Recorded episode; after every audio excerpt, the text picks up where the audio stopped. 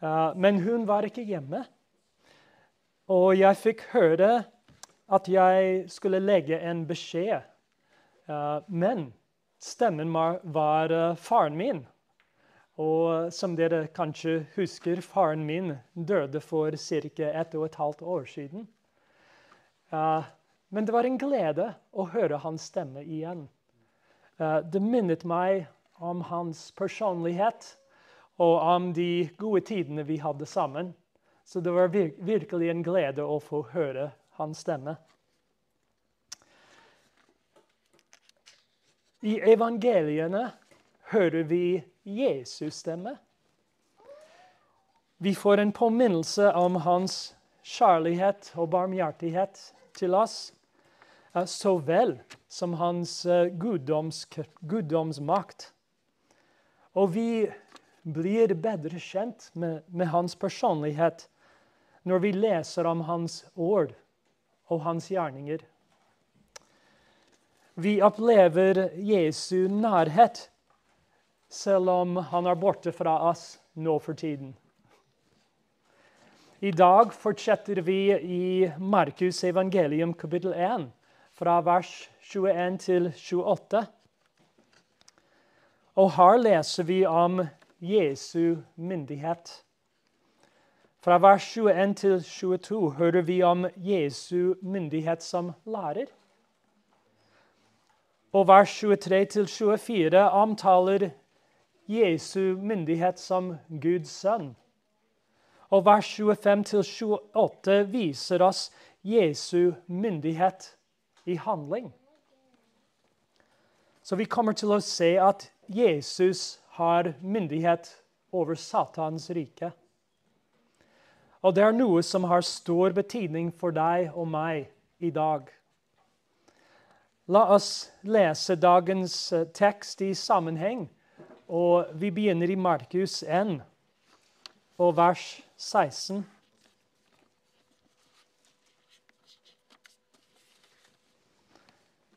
Mens han gikk langs Galileesjøen, så han Simon og hans bror Andreas kaste en not i sjøen. De var nemlig fiskere. Da, Jesus, da sa Jesus til dem, 'Følg meg, så skal jeg gjøre dere til menneskefiskere.' Straks forlot de sine garn og fulgte ham. Da han hadde gått et lite stykke derfra, så han Jakob sønn av Sebedeus, og hans bror Johannes, som satt i båten og børte garnene sine. Straks kalte han dem, og de forlot sin far Sebedeus, som var i båten, sammen med de leide arbeiderne, og fulgte ham. Så gikk de inn i Kapernaum. Og da sabbaten kom, gikk han inn i synagogen og underviste. De undret seg over undervisningen hans, for han lærte dem som en som har myndighet, ikke som de skriftlærde. Det var i deres synagoge en mann som hadde en uren ånd. Han skrek og sa, 'La oss være. Hva har vi med deg å gjøre, Jesus fra Nasaret?' Har du kommet for å ødelegge oss? Jeg vet hvem du er, Guds hellige. Men Jesus refset den og sa, Vær stille og kom ut av ham. Den urene ånden kastet ham først omkring og skrek med høy stemme, men så kom den ut av ham. Alle ble da forundret. At de søkte sammen og sa, 'Hva er dette?' Hva slags ny lære er dette?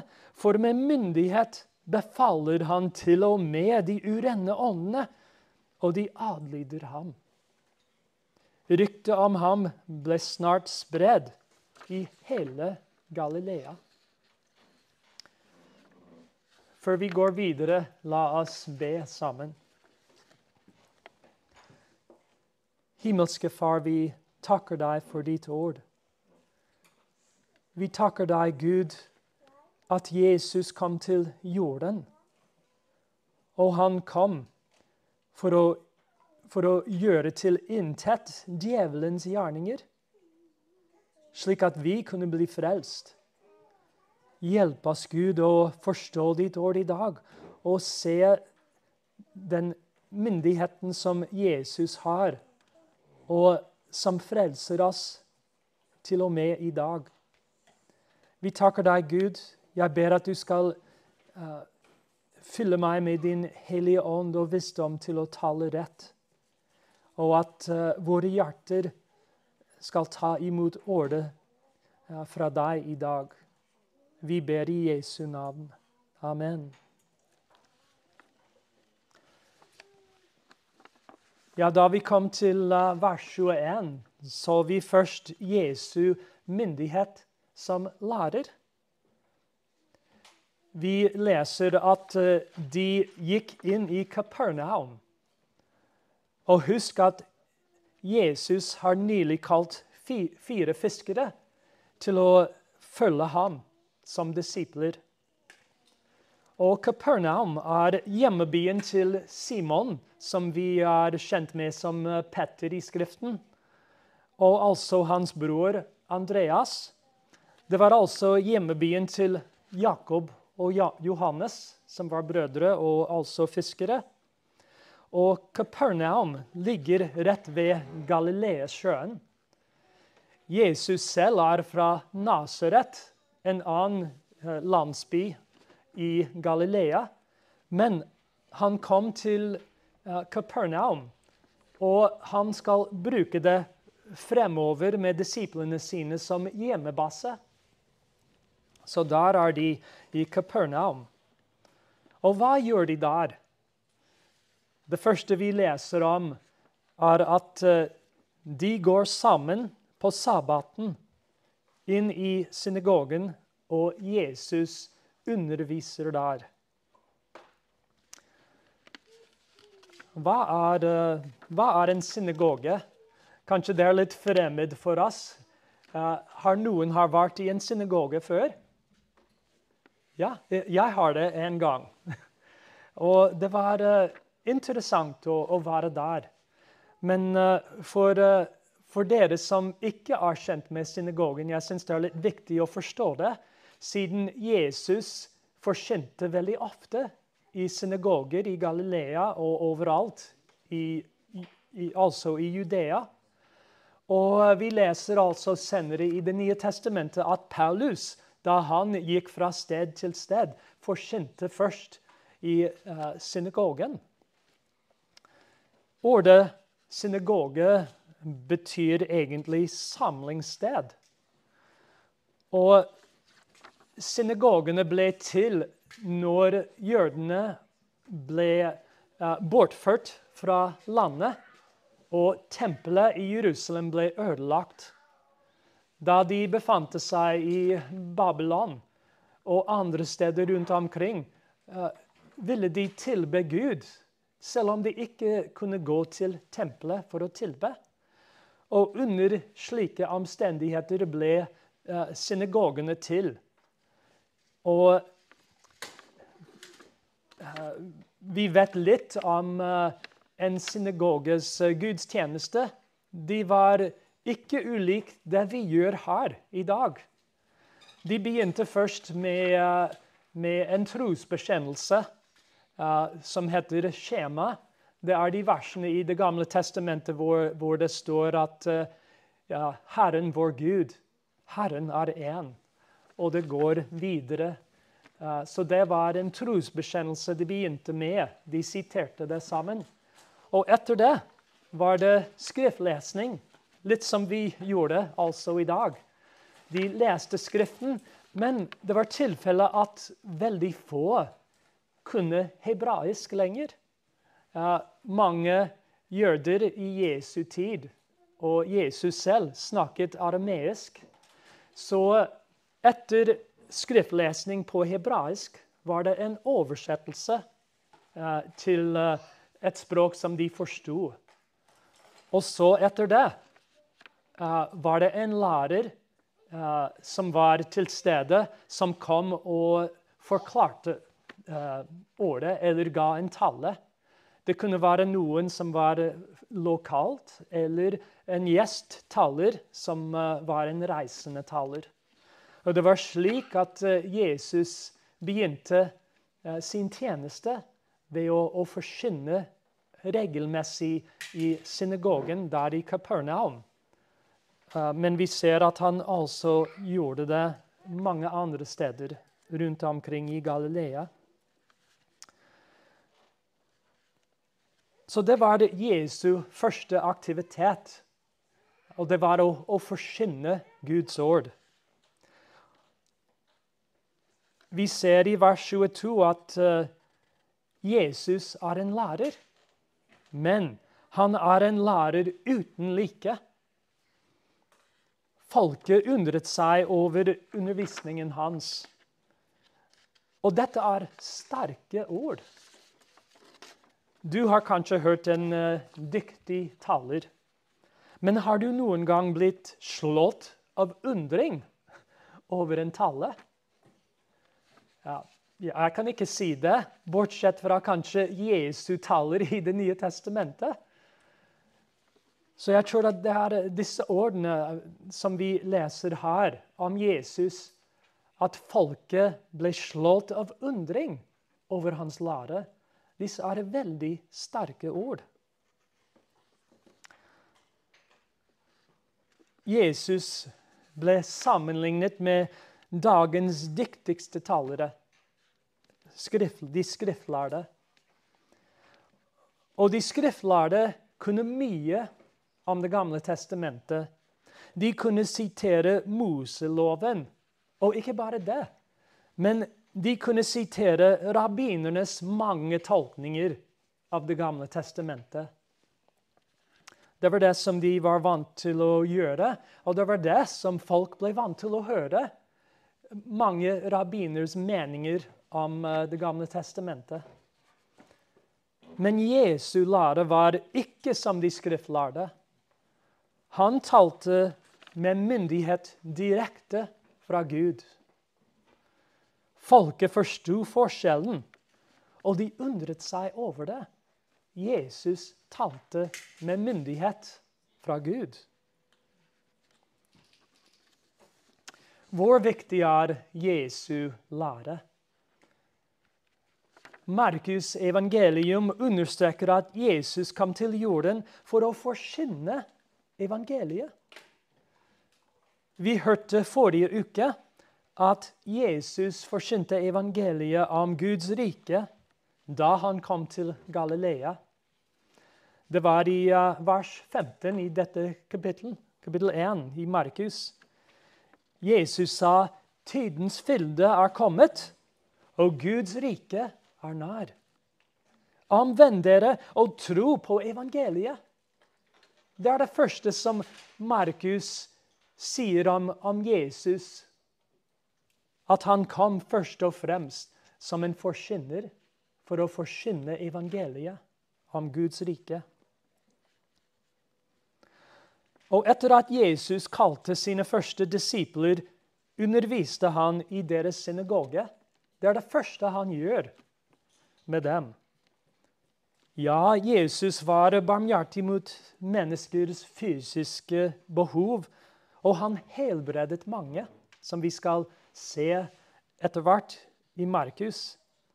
Men legg merke til hva Jesus sier til disiplene når alle letter etter ham for helbredelser. Vi leser det i vers 38 i samme kapittel her.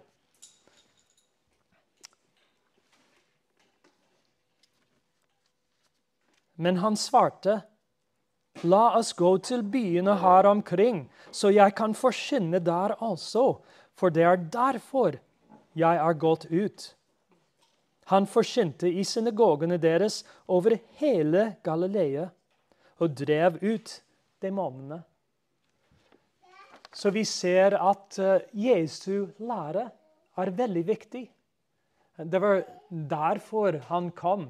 Han kom med et viktig budskap som betydde egentlig evig liv til de som ville høre ham.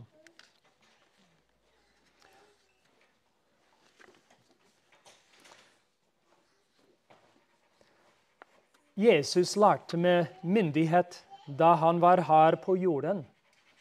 Og budskapet er like viktig for deg og meg i dag. Og vi kan høre Jesu ord. Omvend dere og tro på evangeliet. Det er et budskap for deg og meg i dag. Så viktig er det. Mens Jesus forkynte i synagogen, skjedde det plutselig noe som viste hans myndighet som Guds sønn. Vi ser i vers 23 at Jesus møter motstand fra Satans rike.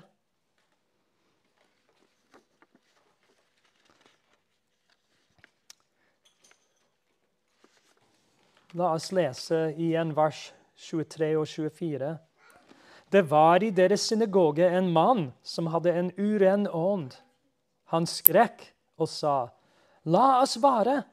Hva har vi med deg å gjøre, Jesus fra Nasaret? Har du kommet for å ødelegge oss? Jeg vet hvem du er, Guds hellige. Tidligere i kapittel 1 ble Jesus fristet av Satan i ødemarken. Jesus ble døpt av Johannes, og det kom en røst fra himmelen. Du er min sønn, den elskede. I deg har jeg velbehag. Og umiddelbart etter det ble Jesus fristet av Satan i ødemarken. Og nå begynner Jesus å true Satans rike gjennom forsynelsen. Og han mørter motstand igjen. Mannen med en uren ånd er i en elendig tilstand. Den bokstavelige betydning av vers 23 er at mannen er i en uren ånd. I en uren ånd. Mange vers i Det nye testamentet omtaler troende som i Kristus og i Herren alle våre åndelige velsignelser som troende er på grunn av at vi er i Kristus. Og det samme uttrykket brukes som denne stakkaren i vers 23. Men han er ikke i Kristus, han er i en uren ånd. Mannens liv og personlighet er blandet med og og bundet til denne urene ånden. Han er en fange i Satans rike. I vers 24 hører vi en demons vitnesbyrd om Jesus. Og her er det mye for oss å lære. Først skriker den urene ånden. Han er livredd for Jesus. Det som han roper ut, viser at han er livredd. Hva har vi med deg å gjøre, Jesus fra Nasaret? Og vi ser her at demonen taler ikke bare for seg selv, men han taler egentlig for hele mørkets rike. Han sier, 'Hva har vi med deg å gjøre?' Og han sier, 'Er du kommet for å ødelegge oss?' Så han taler for hele mørkets rike når han skriker ut til Jesus. Han erkjenner at Jesus ikke er en del av mørkets rike. Jesus har ingenting til felles med demonene. Og han sier, 'Er du kommet for å ødelegge oss?' Mange oversettelser har 'Du er kommet for å ødelegge oss'. Og vi vet ikke akkurat om det var et spørsmål eller det var en uttalelse her. Fordi alle um, tegnsetting i Bibelen ble lagt til senere. Det er ikke en del av den opprinnelige teksten som vi har. Så spørsmålstegn er ikke i den opprinnelige teksten. som vi, uh, som vi har, som ble overlevert til oss. Men vi kan se her at demonen ser i Jesus den som har makt til å ødelegge Satans rike.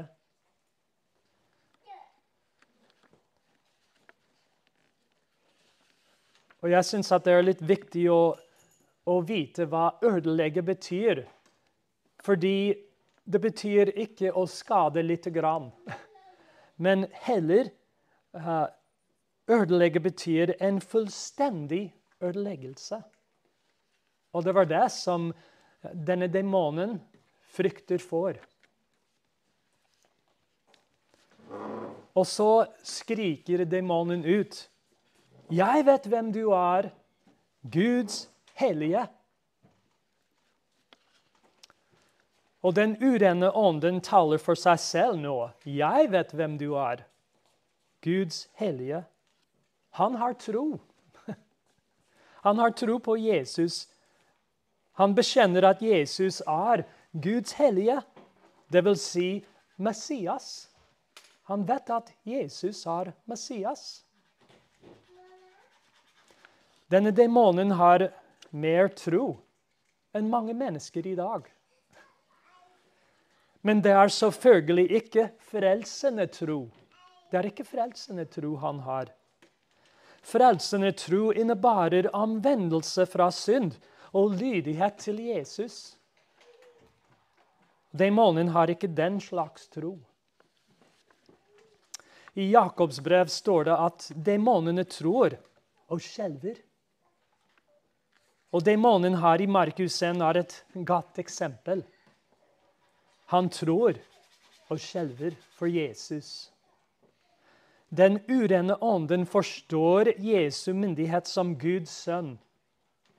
Men han kommer til å erfare Jesu myndighet i handling.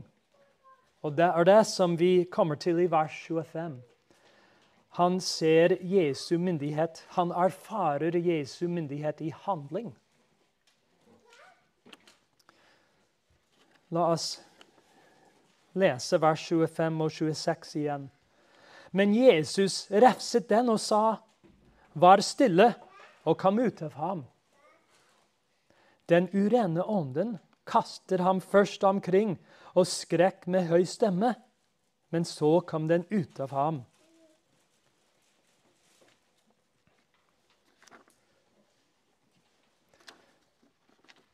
Markus gjør det tydelig at demonen ikke kan utøve noen makt over Jesus. Han er fullstendig under Jesu myndighet. Det var en oppfatning på den tiden at hvis du kjente en persons sanne identitet og kunne si navnet hans, da kunne du få makt over ham. Det var tanken i samfunnet på den tiden. La meg repetere det, slik at vi eh, forstår det som Markus sier her. Oppfatningen på den tiden var at hvis du kjente en persons sanne identitet og kunne si navnet hans, da kunne du få makt over ham. Det var tanken. Og den urene ånden roper ut Jesu navn. Jesus fra Nasaret. Han skriker høyt, 'Jeg vet hvem du er, Guds hellige.' Men det gjør ingenting. Demonen får ikke noe makt over Jesus. Men Jesus har full kontroll over ham. Det er det som Markus kommuniserer her, med det som han uh, sier om uh, situasjonen. Og Jesus godtar ikke vitnesbyrd fra demoner. Jesus befaler den urene ånden å tie stille. Hvorfor gjør han det? Demonen har gitt et klart vitnesbyrd om Jesus. Jesus er faktisk Guds hellige. Og han har makten til å ødelegge Satans rike. Det stemmer. Men en løgner er ikke til å stole på selv når han snakker sant. Og Jesus godtar ikke demonens vitnesbyrd og lar ham ikke snakke. Markus' evangelium understreker at Jesus behandler demoner på akkurat denne måten. Se med meg i vers 32. Eh, eh, ja, 32 34, samme kapittel. Om kvelden, da solen var gått ned, førte de til ham alle som var syke og demonbesatte. Og hele byen var samlet ved, ved døren. Han helbredet mange som led av forskjellige sykdommer, og drev ut mange demoner. Han tillot ikke demonene å snakke, siden de visste hvem han var.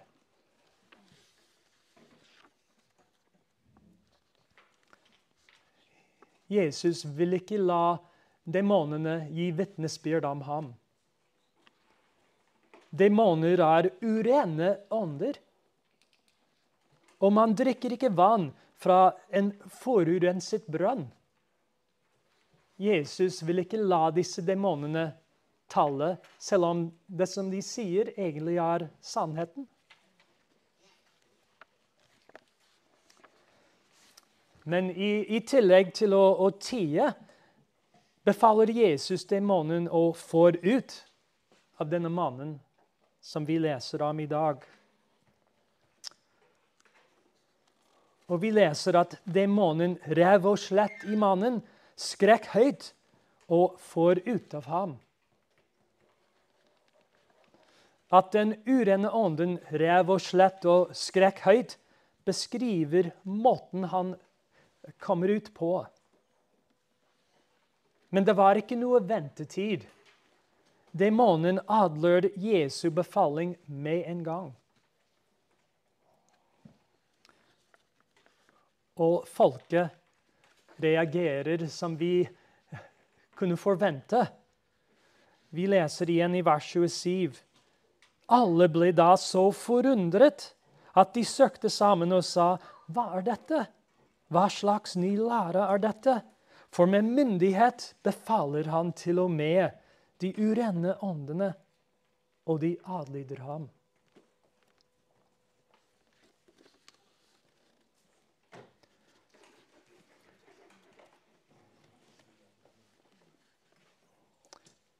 Hvor viktig er Jesu myndighet over Satans rike?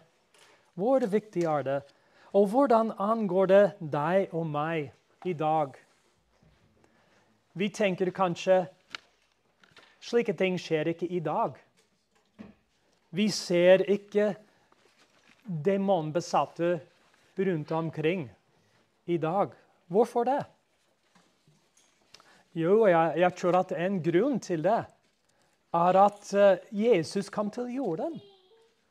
Og han kom for å for å ødelegge Satans rike. Men det betyr ikke at uh, Satan er helt borte ennå. Og vi ser i andre steder i Det nye testamentet at vi er fortsatt i kamp mot uh, Satans rike.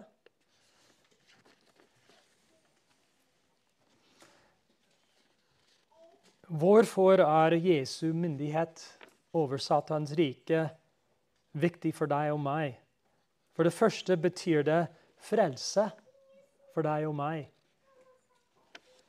Vi sang den sangen tidligere at uh, da Jesus satte sjelen fri, brøt lyset frem på livets sti.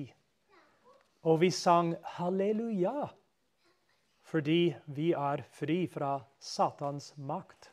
Og det er sannheten som Bibelen beskriver for oss. Og jeg vil uh, vise dere noen andre skriftsteder i Det nye testamentet som bekrefter dette, slik at dere kan se at ja, dette er viktig. Dette er sannheten for meg. Dere kan slå opp med meg i Kolosserbrevet, kapittel 1.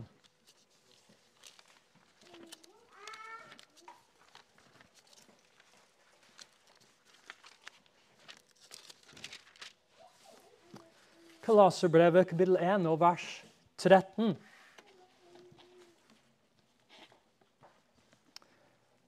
Han er den som har fridd oss ut av mørkets makt og satt oss over i sin elskede Sønns rike. I ham har vi forløsningen ved hans blod, syndenes forlatelse. Han er bildet av den usynlige Gud, den første førte før hele skapningen. Her leser vi om Jesus og hva han har gjort for oss. Og det står her at i frelse har han fridd oss ut av mørkets makt. Hva betyr det da? Det betyr at før vi kom til troen, er vi bundet, slik som denne mannen vi har lest om i dag. Vi er under Satans makt. Vi pleier å tenke om uh, folk rundt oss at, uh, at de er nøytrale. Vi tenker ikke på folk som under Satans kontroll, under han, i hans rike. Men det er faktisk uh, sannheten. Det fins ikke noe nøytrale mennesker her på jorden. Det er bare to riker her. Det er Satans rike, og alle er bundet og lenket. Alle er fanger i Satans rike før de kommer til tro på Jesus Kristus.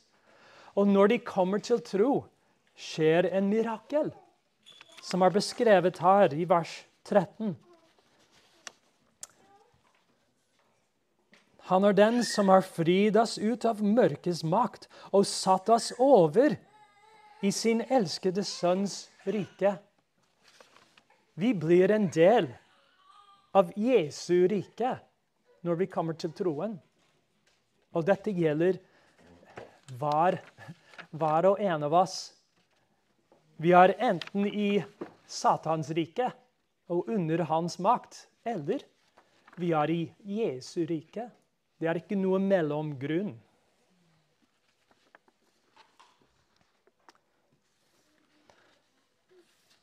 Jesu myndighet over Satans rike betyr frelse for deg og for meg. Og Jesu myndighet betyr altså frelse for andre. Andre mennesker rundt oss i dag. Dere kan slå opp med meg i 2. Korinter, kapittel 4.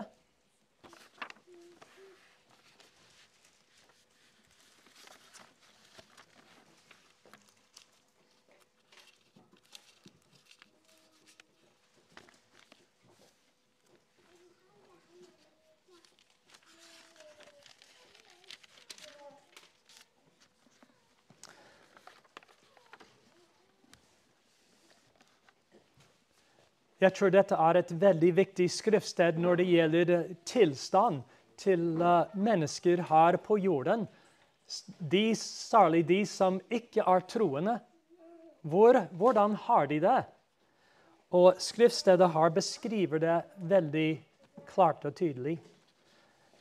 Vi leser her fra vers 3, 2. Korinter 4, vers 3. Selv om vårt evangelium er skjult, er det for dem som går fortapt. Det er skjult. De vantro som har fått sine sinn forblindet av denne tidsalders Gud, for at ikke lyset fra herlighetens evangelium om Kristus, som er Guds bilde, skal skinne for dem.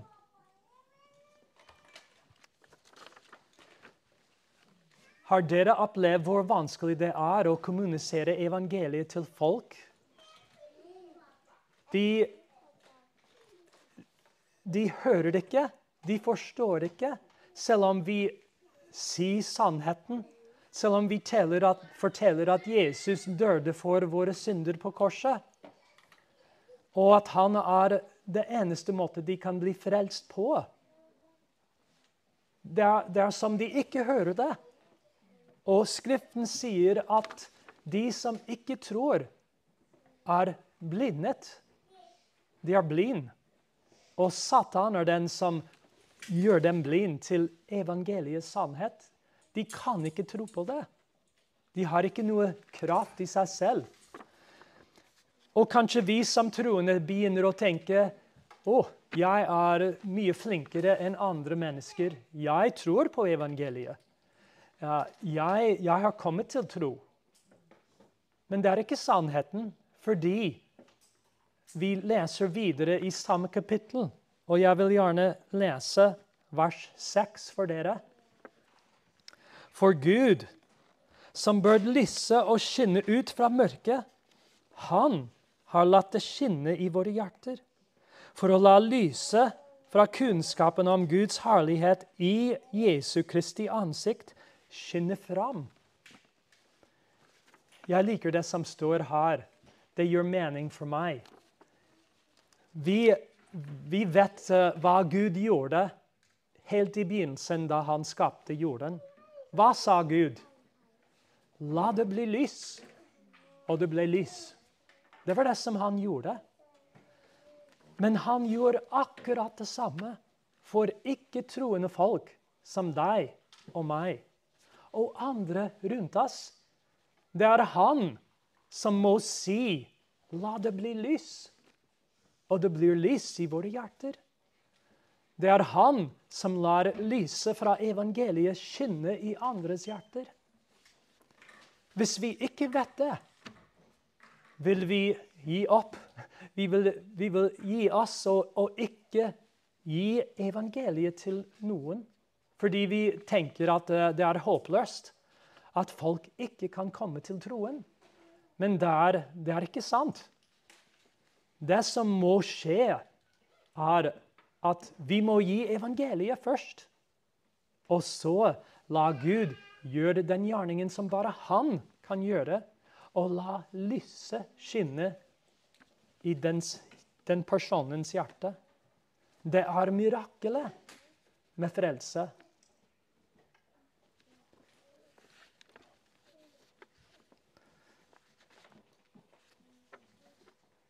Jesu myndighet betyr frelse for andre folk. Og det skjer gjennom forkynnelse av evangeliet og Guds gjerning i deres hjerter. Vi må ha tro på det. Ellers vil vi ikke adlyde Jesus. Og vi har et ansvar overfor Jesu myndighet i våre liv. Hvis du slår opp med meg i Matteus evangeliet, en side før eh, Kanskje en side før eh, Markus 1. Det er det siste versene i Matteus, hvor vi har misjonsbefalingen. Og Det som Jesus sier her, er viktig for oss å huske. Han sier i Matteus kapittel 28 og vers 18 Og vi må huske at det er eh, den oppstanden Jesus som sier dette, den levende Jesus etter hans korsfestelse og oppstandelse kommer han til disiplene, og han sier dette til dem. Jesus sto fram og talte til dem og sa, Meg er gitt all makt i himmelen og på jorden. Gå derfor og gjør alle folkeslag til disipler, mens dere døper dem til Faderens og Sønnens og Den hellige ånds navn og lærer dem å holde alt det jeg har befalt dere. Og se, jeg er med dere alle dager, inntil denne tidsalders ende. Amen. Legg merke til det som står i vers 18. Meg er gitt all makt i himmelen og på jorden. Og ordet makt der betyr egentlig autoritet eller myndighet. Og det er med, med den autoriteten at Jesus befaler oss å gå ut og gjøre andre til disipler. Vi har et ansvar overfor Jesu myndighet i Skriften. Paulus sa, 'Jeg skammer meg ikke over evangeliet', for det er Guds kraft til frelse til enhver som tror. Vi har et ansvar å forkynne evangeliet. Og vi må forstå at Jesus har autoritet over Satans rike. Og han har gitt oss uh, en oppgave. Vi må huske at uh, alle rundt oss som ikke er troende ennå, er under Satans makt. De er blinde, bortsett fra den gjerning som Gud vil gjøre i deres liv. Så vi har et ansvar å forkynne evangeliet. Og Gud vil bruke det som han vil. Han vil frelse folk. Og vi må forstå alt dette. Ellers vil vi ikke adlyde Jesu ord til oss. Vi vil tenke at det er håpløst. At uh, ja, vi må bare vente inntil Jesus kommer, og han skal rydde opp med alt det som skjer her på jorden. Nei. Vi har en oppgave å gjøre. Til og med våre barn som ikke tror, trenger Jesus. De trenger å høre evangeliet. Og jeg tror at uh, den åndelige kampen som vi går i uh, Vi har en fremgangsmåte med det. Og jeg vil gjerne avslutte med et par vers fra Efeserne 6 som minner oss om den åndelige kampen som vi, som vi er i. Efeserne kapittel 6.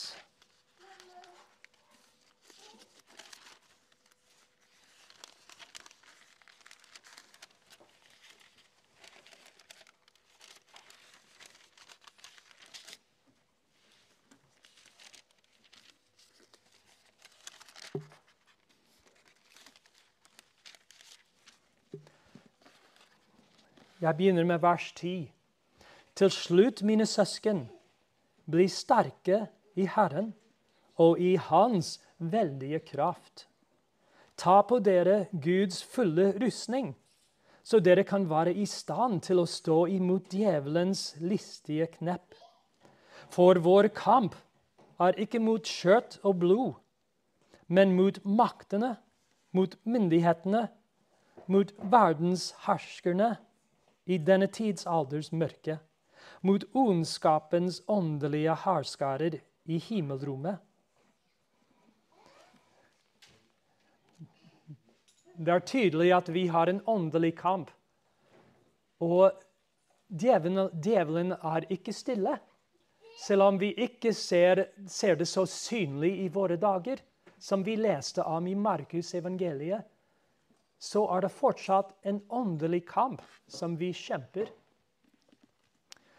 Og vers 13 sier, sier ta derfor Guds fulle rustning på, så dere kan være i stand til å stå imot på den onde dag og bli stående etter å ha vunnet seier i alle ting. Stå derfor fast med sannheten som belte om livet, iført rettferdighetens brynje og anbundet på føttene med den beredskap til kamp som fredens evangelium gir.